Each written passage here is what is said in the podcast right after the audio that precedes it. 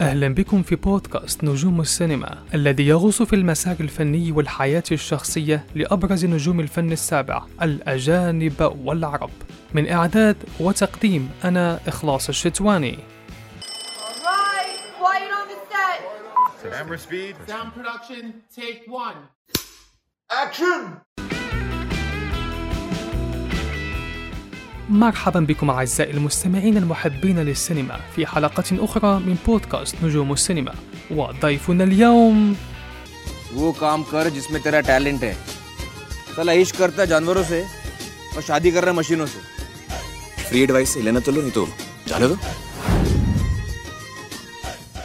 عامر خان ممثل هندي أحد أكثر الممثلين شعبية وتأثيرا في السينما الهندية ولد عامر في الرابع عشر من شهر مارس عام 1965 واسمه الكامل هو محمد عامر حسين خان وينحدر من عائلة مسلمة حيث ولد وترعرع في منطقة باندرا في مدينة مومباي بالهند. كبر في عائلة فنية والده هو الطاهر حسين خان منتج أفلام معروف. وعمه ناصر حسين خان والذي كان يعمل مخرجا ومنتجا وممثلا أيضا. وهو من أدخل عامر خان في مجال التمثيل. درس عامر في مدرسة جي بي بيتيت الابتدائية ثم اختتم مراحله التعليمية بمدرسة سانت آن والتحق بكلية الاقتصاد بجامعة نارسي مونجي. قدم العديد من الأعمال الفنية التي حازت على جوائز متنوعة وأصبح من أشهر نجوم بوليوود. البدايات.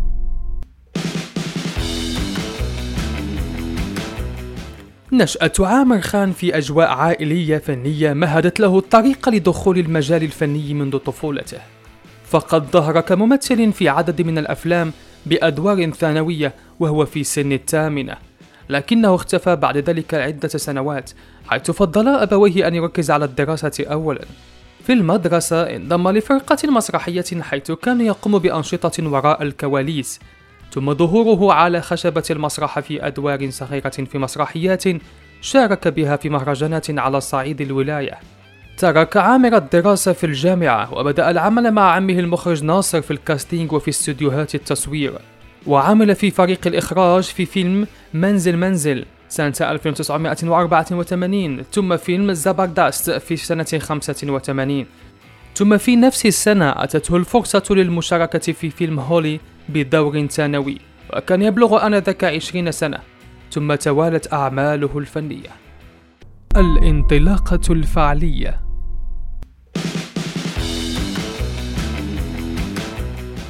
عام 1988 سيشارك عامر خان في فيلم قيامة سي قيامة تاك من عذاب إلى عذاب حيث مكنه هذا الفيلم بجانب الممثلة تشاولا في الوصول إلى النجومية بسرعة خاطفة.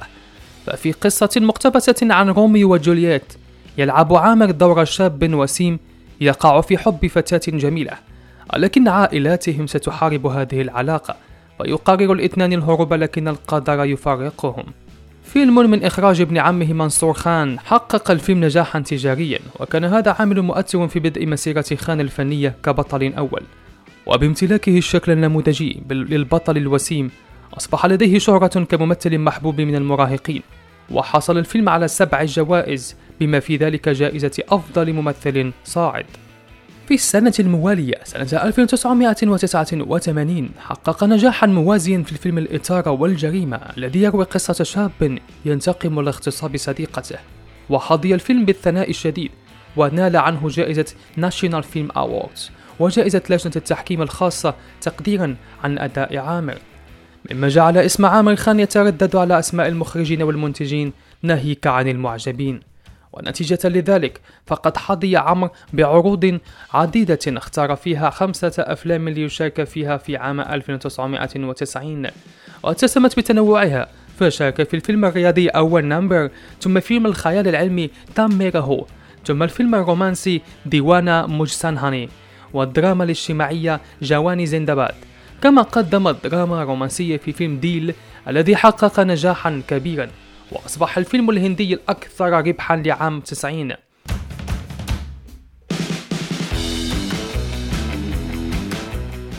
ظهر بالعديد من الأفلام الأخرى في أوائل التسعينات بما في ذلك جو جيتا وهي سيكندر سنة 92 وثم سنة 93 سيلعب البطولة في فيلم هوم هاين وفيلم راهي بيار كي كتب السيناريو ولعب البطولة. أبرز فيلم في سنة 95 هو رانجيلا. ومعظم هذه الأفلام كانت ناجحة فنيا وتجاريا. بينما شارك في أفلام أخرى فشلت في شباك التذاكر ولم تلقى رواجا عند الجمهور والنقاد. عاد لينال الثناء والنجاح في أنداز أبنا أبنا وهو فيلم كوميدي شارك البطولة مع سلمان خان ويعتبر من الأعمال الهندية الخالدة. مع بداية الألفية دخل عامر مجال الإنتاج وقام بإنتاج الفيلم الذي رشح لجائزة الأوسكار لاغان ولعب في دور البطولة وفاز للثاني مرة بجائزة فيلم فير كأفضل ممثل عن أداء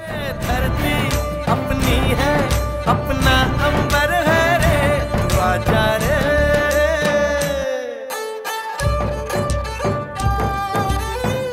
بعد ذلك توقع المهتمون بالانفجار الفني لعامر خان. لكن ولأسباب شخصية تجلت في مشاكل مع زوجته ثم طلاقه جعلته يتوارى عن الأنظار. وأخذ السراحة من العمل لفترة وصلت لأربع سنوات متواصلة. عام 2005 عاد بقوة مرة أخرى وقدم الفيلم التاريخي كيتا مهتا الصعود والتمرد. الذي لعب دور البطولة في قصة شهيد الحياة الواقعية الذي ساعد في إشعال التمرد الهندي عام 1857 تم عرض الفيلم في مهرجان كان السينمائي كما رشح لجوائز عديدة وأصبح واحدا من أكثر الأفلام ربحا في العام. سنة 2007 سيدخل عامر خان غمار الإخراج فأخرج وأنتج ولعب دور البطولة في الفيلم الشهير تاري زامين بار كالنجوم في السماء فتميز بأول ظهور له كمخرج وحصل على جائزة Filmfare Award لأفضل مخرج وأفضل فيلم لعام 2007 وكذلك جائزة National Film Award لأفضل فيلم عن رعاية الأسرة واشتهر الفيلم عالميا إذ عرضته دور عرض لا تهتم بأفلام بوليوود وكان سببا في تعريف السينما الهندية من جديد. ويتناول الفيلم قصة طفل صغير يعاني من عسر القراءة والكتابة فيرسله أهله إلى مدرسة داخلية. وهناك يلتقي بمدرسين يتبعون أسلوب الضرب والترهيب إلى أن يأتي أستاذ جديد وهو عامر خان ليتعامل معه بطريقة خاصة جعلت منه مبدعا وعبقريا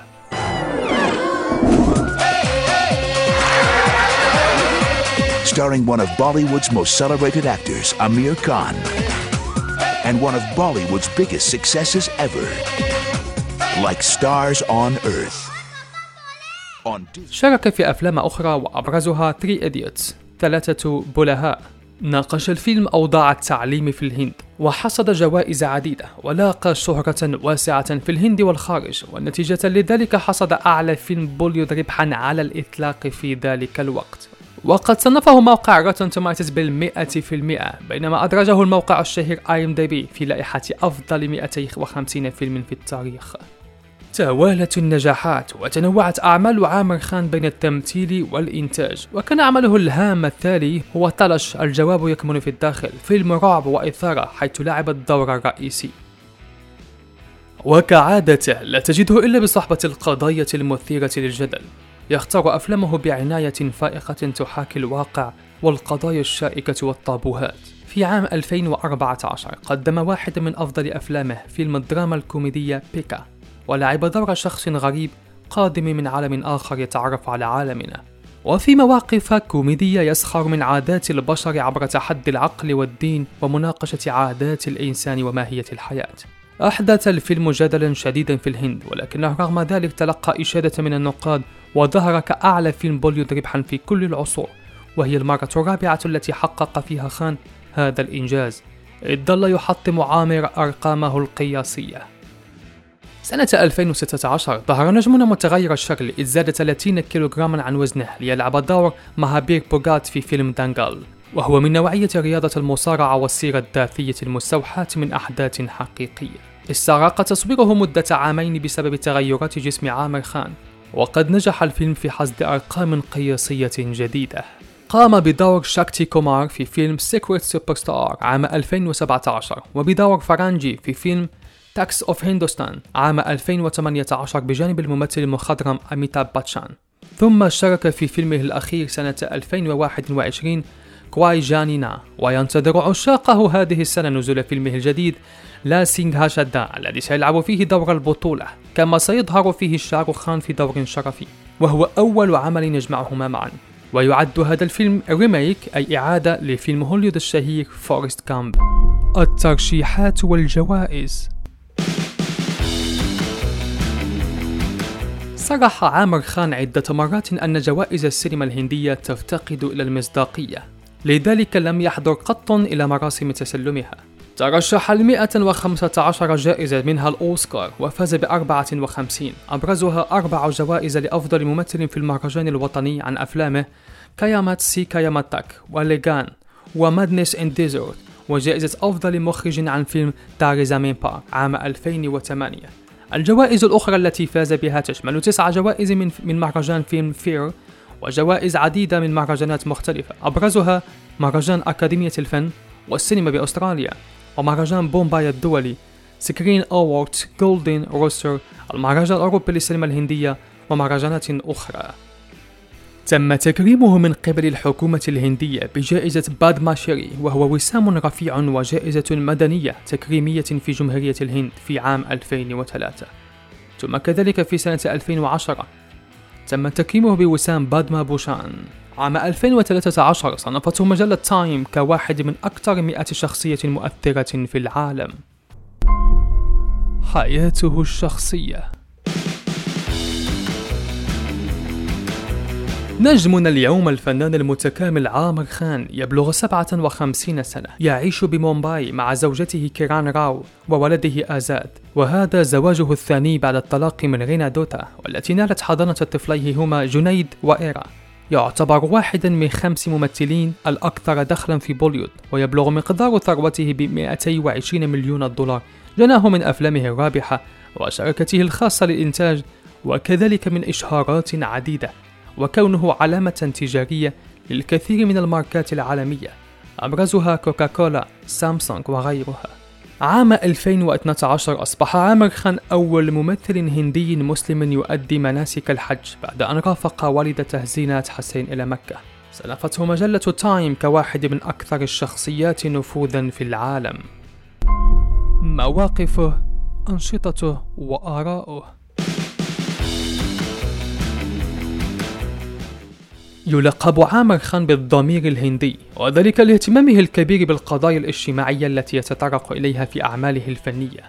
ففي خارج إطار السينما عامر خان معروف بهويته الخيرية وبمشاركاته في الأعمال الإنسانية والاجتماعية. تم انتخابه سفيرا لليونيسف للسلام الوطني عام 2011 كما انتخب سفيرا للسلام العالمي سنة 2014 قاد حملات في الإعلام من أجل التثقيف والتوعية بسوء التغذية وأيضا ضد اضطهاد المرأة وتحسين التعليم في الهند.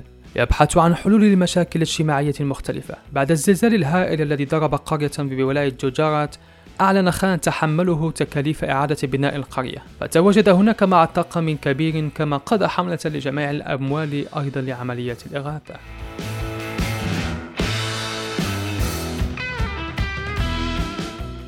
تعددت تصريحاته وخرجاته الإعلامية حول قضايا وشؤون المجتمع وتحول بعضها إلى أزمات سياسية في المجتمع الهندي.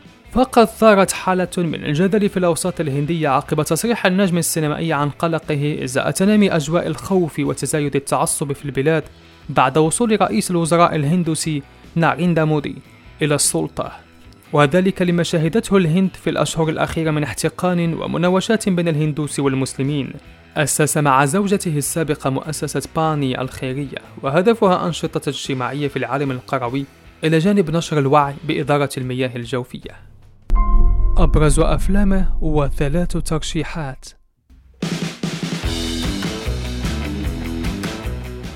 مثل عامر خان في حوالي 60 فيلما وأنتج 12 فيلم وأخرج فيلمه الوحيد كالنجوم في الأرض. يلقب في الأوساط الفنية في الهند بسيد الكمال وذلك لأدواره المختارة بعناية ودقته في الأداء. ومؤخرا أصبح يمثل حوالي فيلم كل سنتين ويتفوق على نفسه في كل عمل جديد. سأعرض عليكم عشر أفضل أفلامه ومنها ثلاث اقتراحات لتشاهدونها. في الرتبة العاشرة قيامت سي قيامت تاك تاسعا رانغ دي باسانتي ثامنا أنداز أبنا أبنا سابعا سارفروش سادسا رانجيلا خامسا داري زمين بار رابعا دانغال. أما أفضل ثلاثة أفلام لمشاهدتها ففي الرتبة الثالثة فيلم بي كي. ثانيا 3 Idiots والرتبة الأولى فيلم لاغان. Okay, that's a wrap.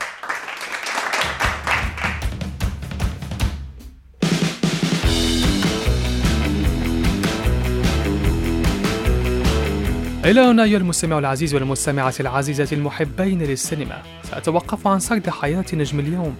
لا تنسوا أن تشتركوا في بودكاست نجوم السينما ليصلكم إشعار كل حلقة جديدة. وتواصلوا معي أنا إخلاص الشتواني في حسابي على الإنستغرام. للتفاعل حول الحلقات واقترحوا لنجمكم المفضل ليكون ضيفنا في حلقاتنا القادمة. ورجاء شارك الحلقة مع أصدقائك المحبين والمحبات للسينما.